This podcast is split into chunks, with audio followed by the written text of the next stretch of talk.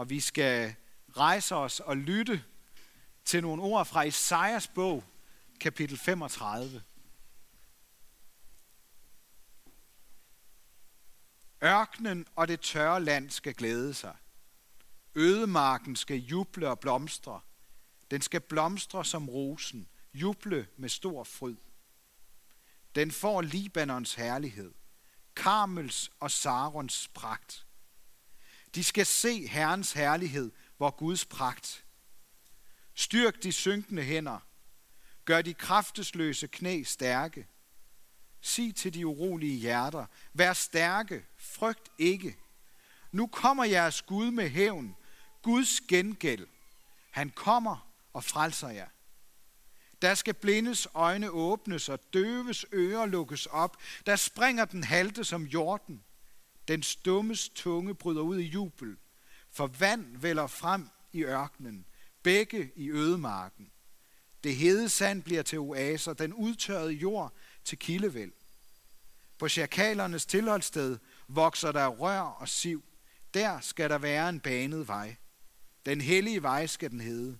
De urene skal ikke færdes på den, men for hans folk bliver det en vej at gå på, hvor dårer ikke flakker om.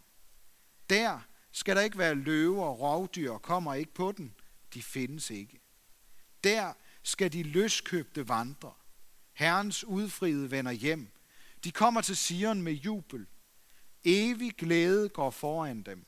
Fryd og glæde når dem. Suk og klage flygter. Amen.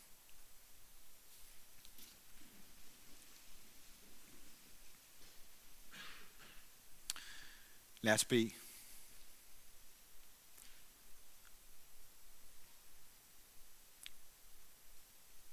Jesus, vi beder dig om, at de ord, vi lige har hørt, må blive mere for os end en drøm.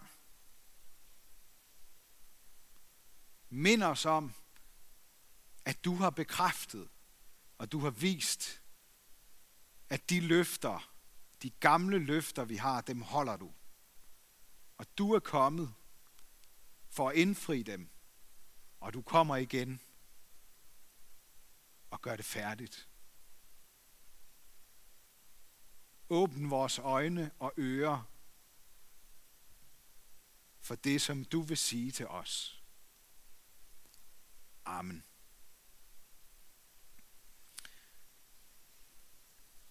Dengang jeg gik i 7. og 8. klasse, der havde jeg en lidt en træs oplevelse. Efter sidste time i skolen, så øh, gik jeg ud til min cykel, og så opdagede jeg, at den var flad på begge hjul. Der var en eller anden, der havde piftet den, så det ud til. Og jeg havde en fornemmelse af, hvad der var sket, fordi der var en, øh, en klassekammerat, jeg havde dengang, en af drengene fra min klasse, han kunne godt lide at drille. Og øh, dagen efter, så indrømmede han også, at, at det var altså lige ham, der havde gjort det, om jeg ikke synes, det var sjovt. Da jeg så lidt senere skulle hjem den dag, så var der ikke noget luft i min dæk igen. Øhm, og øh, så dagen efter, da jeg kom i skole, så, øh, så kom jeg hen til ham og sagde til ham, jeg, jeg tror godt, jeg ved, øh, hvad der var sket. Og øh, jeg, jeg fik sagt på en eller anden øh, stille og rolig måde, at han godt måtte finde nogle andre at drille, og måske finde på noget andet, eller måske lade være med at drille med det samme sådan flere gange i træk. To dage senere, så står jeg ude ved min cykel og skal hjem, og så, øh, så er den flad en gang til. Og der vil jeg godt sige, der, der var min grænse nået. Der var min tålmodighed slut. Det skulle han få betalt. Mit, mit problem, det var bare, at han, han kørte ikke på cykel til skole. Øh, han tog altid bussen. Men lige den dag, der havde han, en, en, øh, der havde han noget ekstra undervisning. Så han sad ind til timen, og så løb jeg rasende ind på skolen og så, jeg kunne genkende, at hans jakke hang i garderoben, og så tog jeg den og øh, smed den ud i et af toiletterne og skyllede. Så kunne han lære det. Det var min måde sådan lige at, at gøre lidt gengæld på. Øhm, som I nok kan regne ud, så blev det ikke inde på historien. Der var også noget med, med skolelederens kontor og sådan nogle ting. Øhm, men oplevelsen fra dengang, den minder mig om noget i forhold til det her med at gøre gengæld. Lyst til at give igen. Og man kan jo godt diskutere, hvor meget grund havde jeg egentlig til at gøre gengæld for det sådan forholdsvis uskyldige trilleri, jeg blev udsat for. Men hvis vi nu vender den lidt, og så tænker på, på Gud, hvor meget grund har han egentlig til at gøre gengæld? Vi hørte om Guds hævn og Guds gengæld her fra Esajas bog. Hvis der er nogen, der har grund til at gøre gengæld, så er det altså Gud. Vi har nemlig ikke bare piftet hans cykel, men vi har taget luften ud af hele hans verden. Og det er jo også derfor, vi igen og igen kan blive frustreret over, at vi skal kæmpe så hårdt for at få hjulene til at køre rundt. Fordi der er ikke, for at, der er ikke noget, der kommer af sig selv. Stille og roligt, så er det sådan med alt, hvad vi har gang i, at så siver luften lige så stille ud, eller også så hjælper vi til med at pifte hinandens dæk. Vi har det sådan i vores verden, at vi skal arbejde og kæmpe for, at noget skal lykkes. Det kommer meget sjældent af sig selv. Vi har ødelagt det for os selv, og vi bliver ved med at ødelægge det for hinanden i vores verden, som vi forresten ofte glemmer i virkeligheden ikke bare i vores verden. Det er sådan set Guds verden. Det er ham, der har skabt den. Vi øh, kan måske synes, at vi nogle gange har grund til at gøre gengæld. Men Gud har i den grad et helt læs af gode grunde til at skulle gøre gengæld. Og på profeten Esajas tid, der var det sådan set på samme måde. Der ødelagde mennesker også livet for hinanden. Så meget, at Gud var nødt til at tage Israels folk et andet sted hen. Han tog landet fra dem. Han førte dem som fanger til et fremmed land, Babylon. Ikke for at gøre gengæld, men for at redde folket, for at opdrage dem. Og i den situation forstod de måske bedre, end vi måske ofte gør det i dag, at de faktisk havde fortjent Guds gengæld. De havde fortjent Guds straf, fordi de ikke behandlede hinanden ordentligt og glemte, hvem der havde givet dem alt det, de havde. Men det overraskende, og det som, som er gået op for mig, det er at hvad Guds hævn og Guds gengæld egentlig går ud på. Frygt ikke. Nu kommer jeres Gud med hævn. Guds gengæld. Han kommer og frelser jer. Guds gengæld er noget godt for hans folk. Gud gengælder ondt med godt.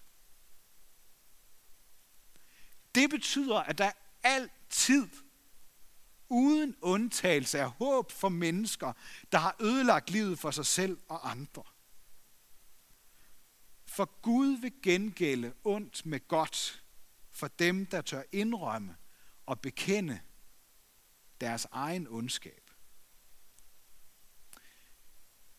Det er meget tæt på det, der var Johannes Døbers opgave, mens han prædikede omvendelse ude i ørkenen. Det var lige præcis det, han fortalte mennesker. Omvend jer, for Guds rige er kommet nær, sagde han. Gud er kommet for at frelse sit folk. Det er fløjtende lige meget, hvad I har bag jer. Vend jer om og se, hvad der ligger lige foran jer. Hvad Gud vil give jer, selvom I ikke har fortjent det. Det liv, som de første mennesker mistede, fordi de gik imod Guds vilje, det begynder nu at vende tilbage. Det evige liv vender tilbage til vores verden, hvor døden hele tiden pifter vores liv og vores glæde og sætter punktum i menneskers liv. Der, hvor det evige liv vender tilbage, der forandrer det verden. Det piller ved naturens gang. Ørkenen skal blomstre på grund af nye kilder med vand. Svage skal få ny styrke. Blinde skal komme til at se. Døve skal høre igen. Og glæde skal afløse sorgen. Der skal blive banet en vej der, hvor det ikke så ud til at være nogen vej frem. Og vejen skal banes for, at livet kan vende tilbage. At Gud kan blæse nyt liv og nyt ånd i det, som ellers var ved at dø og gå til. Og Johannes Døber, han er manden, der skal bane vejen. Og det gjorde han ved at afsløre folks synder og få dem til at vende om og følge den vej, livets vej, hvor livet vender tilbage. Og den vej, den har vi også sammen gået på i dag, da vi begyndte gudstjenesten med at bede om Guds tilgivelse. Vi har vendt os om fra alt det forkerte og fået lov til at begynde forfra. Johannes, han er, han er mere end en profet, fortæller Jesus os. Han er Guds engel, født med en bestemt betroet opgave til at fortælle folk sandheden. Vend om og få jeres sønder ryddet af vejen. Forbered jer på Guds gengæld. Men så skete der det, og jeg tror ikke, Johannes havde forudset det, at han røg i fængsel. Fordi han havde sagt, at kong Herodes ikke burde leve sammen med sin brors kone, som om han også var gift med hende. Og så vendte folk tilbage fra ørkenen til deres eget liv, efter at Johannes ikke længere holdt til derude. Og nogle af de folk, de udspørger Jesus om, hvem var ham Johannes egentlig? Ham, der nu sidder spærret inde i fængslet. De var godt klar over, at han var noget særligt, og det tror jeg også Johannes var selv, at han havde en særlig opgave. Han troede på, at han var særligt udvalgt til noget. Men, selvom han godt vidste det, så sad han der i sin ensomhed i fængslet og kom i tvivl. Om det hele. Om det hele bare var et stort opspind. Og Johannes har med sikkerhed kendt de vers, som vi også har hørt fra Esajas bog. Og han har ventet på, at de skulle gå i opfyldelse. Måske har han tænkt, de er lige ved at gå i opfyldelse. Og nu sidder han så i fængslet og kommer i tvivl om det hele. Johannes havde ikke bare en betroet opgave. Jeg tror også, at Johannes er en gave til alle os, der kender til tvivlen. For når den største profet af alle, sådan bliver han kaldt, ham der døbte Jesus i Jordanfloden, og som blev kaldt Guds engel af Jesus, når han kan tvivle, så er der måske ikke noget at sige til, at vi andre også kan komme i tvivl. Er du den, der kommer Jesus? Det er den ægte og sunde tvivl, der spørger. Er du den, jeg skal satse hele mit liv på Jesus? Og grunden til, at det er en sund tvivl, det er, at spørgsmålet fortsætter. Eller skal vi vente en anden? Kan I høre, hvordan troen er gemt inde i Johannes' tvivl? Der er en længsel efter at blive reddet i Johannes spørgsmål. Han venter på noget bedre. Han længes efter noget, der er bedre end det, han oplever lige nu, mens han sidder i fængslet. Og måske ikke skal leve særlig meget længere. Den usunde tvivl, den siger, mund Gud virkelig har sagt og ment det der. Den beskæftiger sig slet ikke med, jamen hvis alt det her med kristendom og Jesus ikke er sandt, hvad, hvad skal jeg så hænge mit liv op på? Den skyder kun ned og glemmer at tænke over, hvordan vi er som mennesker. Glemmer at tænke over, jamen der er der noget i vores verden, der ikke er, som det skal være. Der, der, der må der blive rettet op på nogle af de her ting, vi ikke kan forstå. Den siger underforstået, det tror jeg ikke. Gud har nok alligevel ikke sagt, eller det er bare nogle mennesker, der har fundet på det. Så vantroen ligger på lur, inde bag ved tvivlen. Den sunde tvivl stiller åbne og nysgerrige spørgsmål. Er du den, der kan frelse verden, Jesus? Eller skal jeg finde min frelser i en anden religion? Det gør ikke noget, at vi tvivler. Bare vi ikke gør det alene. Som jeg hørte det meget tankevækkende sagt for nylig. I miljøer, hvor det er tilladt at undre sig og stille kritiske spørgsmål, er det lettere at tro. Får man fornemmelsen af, at man helst skal kvæle sine spørgsmål i fødslen, leder man snart efter et andet sted at være. Jeg tror, der er mange mennesker, der har let efter et tegn fra Gud. Der er også mange, der har oplevet at få et eller andet form for tegn. Og så går tiden, som Miriam også var inde på. Og så er det ligesom om, så er det ikke nok at holde fast i. At der engang skete et eller andet, som måske var et mirakel. Det vi dybest set har brug for som mennesker, det er en åbenbaring, der ikke er til at tage fejl af. Som en gang for alle gør det klart, at Jesus er den eneste, der kan frelse mennesker fra døden og det onde. Og må ikke også, det var det, Johannes drømte om derinde i sin celle. Hvis Jesus nu befriede ham fra lænkerne, så vil det nok blive lettere for ham at se meningen med det hele. Sådan tror jeg også, at vi hver især måske kunne sætte ord på nogle ønsker, vi har, der kunne gøre vores liv lettere, styrke vores tro, så den ikke hele tiden skal være viklet ind i tvivl og usikkerhed. Men Jesus befrier ikke Johannes. Han gør noget andet. Han sender Johannes egne disciple, mennesker som Johannes kender i forvejen, for at de kan fortælle, hvad de oplever i Jesu nærhed. De fortæller, hvad de ser og hører. For det har Jesus sagt til dem, at de skal gøre. Og på den måde, så bliver de til mere end Johannes disciple. Deres opgave gør dem til Jesu disciple. De kommer ikke med et lille mirakel eller en garanti fra Jesus. De fortæller bare, hvad de selv har set og hørt. De er øjenvidner. Og Johannes tro afhænger af, om han tror på de øjenvidenberetninger, han får. Lidt den samme situation er vi i i dag. Vores tro afhænger af, om vi har tillid til øjenvidende beretningerne i Bibelen. Om vi har tillid til, at når mennesker kommer og fortæller os, hvad de har set og hørt, så er de sendt af Jesus. Sandheden om os selv og om Gud, det er det eneste, der kan bane vejen for, at livet kan vende tilbage og komme ind i vores eget liv. Det er det sikre fundament for vores tro, at det, som Jesus har gjort, det vil han også gøre færdigt. Jesu ord og handlinger, givet videre gennem andre mennesker, det er bevis nok.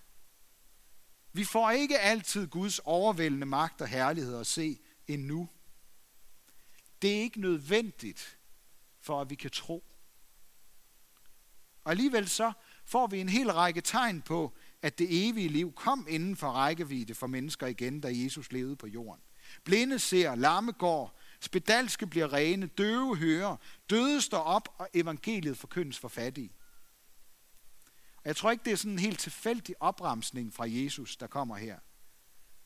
For hvis man læser efter eller lytter efter, så svarer den meget præcist til Esajas profeti over 700 år tidligere, som vi hørte her lige inden prædikenen. Og så er det en udfoldelse af de konsekvenser, det vil få, når livet, når det evige liv, vender tilbage og bliver blæst ind i vores verden. Blinde ser. Mørket, som mange af os er bange for, som forhindrer os at se alt omkring os, det vil forsvinde. Lamme går. Alle de begrænsninger, vi har som mennesker, som bliver flere jo ældre vi bliver, de vil blive ryddet af vejen. Spedalske bliver rene. Sygdom, som vi alle kommer til at kæmpe med i en eller anden grad, vil blive kureret fuldstændig. Døve hører. Jeg tror, det er meget ubehageligt at være blind. Måske er det endnu mere ubehageligt at være helt døv. Så er man udenfor. Så kan man ikke fornemme stemninger. Så kan man ikke være med i en samtale. At døve skal høre, det er et tegn på, at ensomheden og tomheden ikke får lov til at fylde det hele, når livet vender tilbage. Døde opstår. Dødens punktum bliver ændret til et komma. For livet vender tilbage. Gud blæser sit liv ind i os, fordi Gud ønsker at gengælde ondt med godt. Men det allermest revolutionerende, det nævner Jesus til sidst. Evangeliet, det gode budskab, det skal forkyndes for fattige. Og det er den eneste medicin, der findes mod den evige død. Og det der med, at det skal forkyndes for fattige, det handler om, at vi ikke kan tage evangeliet til os, hvis vi ikke mener, at vi har brug for frelse og redning. Så er vejen ikke ryddet. Den inderste sandhed om os er nemlig, at vi ikke kommer frem, hvis vi går den forkerte vej. Livet, det evige liv, kan ikke blive blæst ind i os, medmindre vi vender om og tager imod. Salig er den, der ikke farves på mig, siger Jesus. Vi må for alt i verden ikke tage det anstødeligt op, når Jesus siger til os, at vi går den forkerte vej. For vi har mere end alt andet brug for at blive vendt om mod ham igen og igen.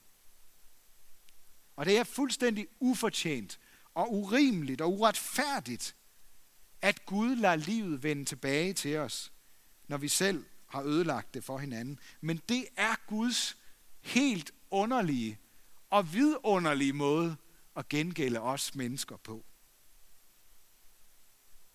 For alle, der venter på, at Jesus kommer, vil livet vende tilbage efter døden.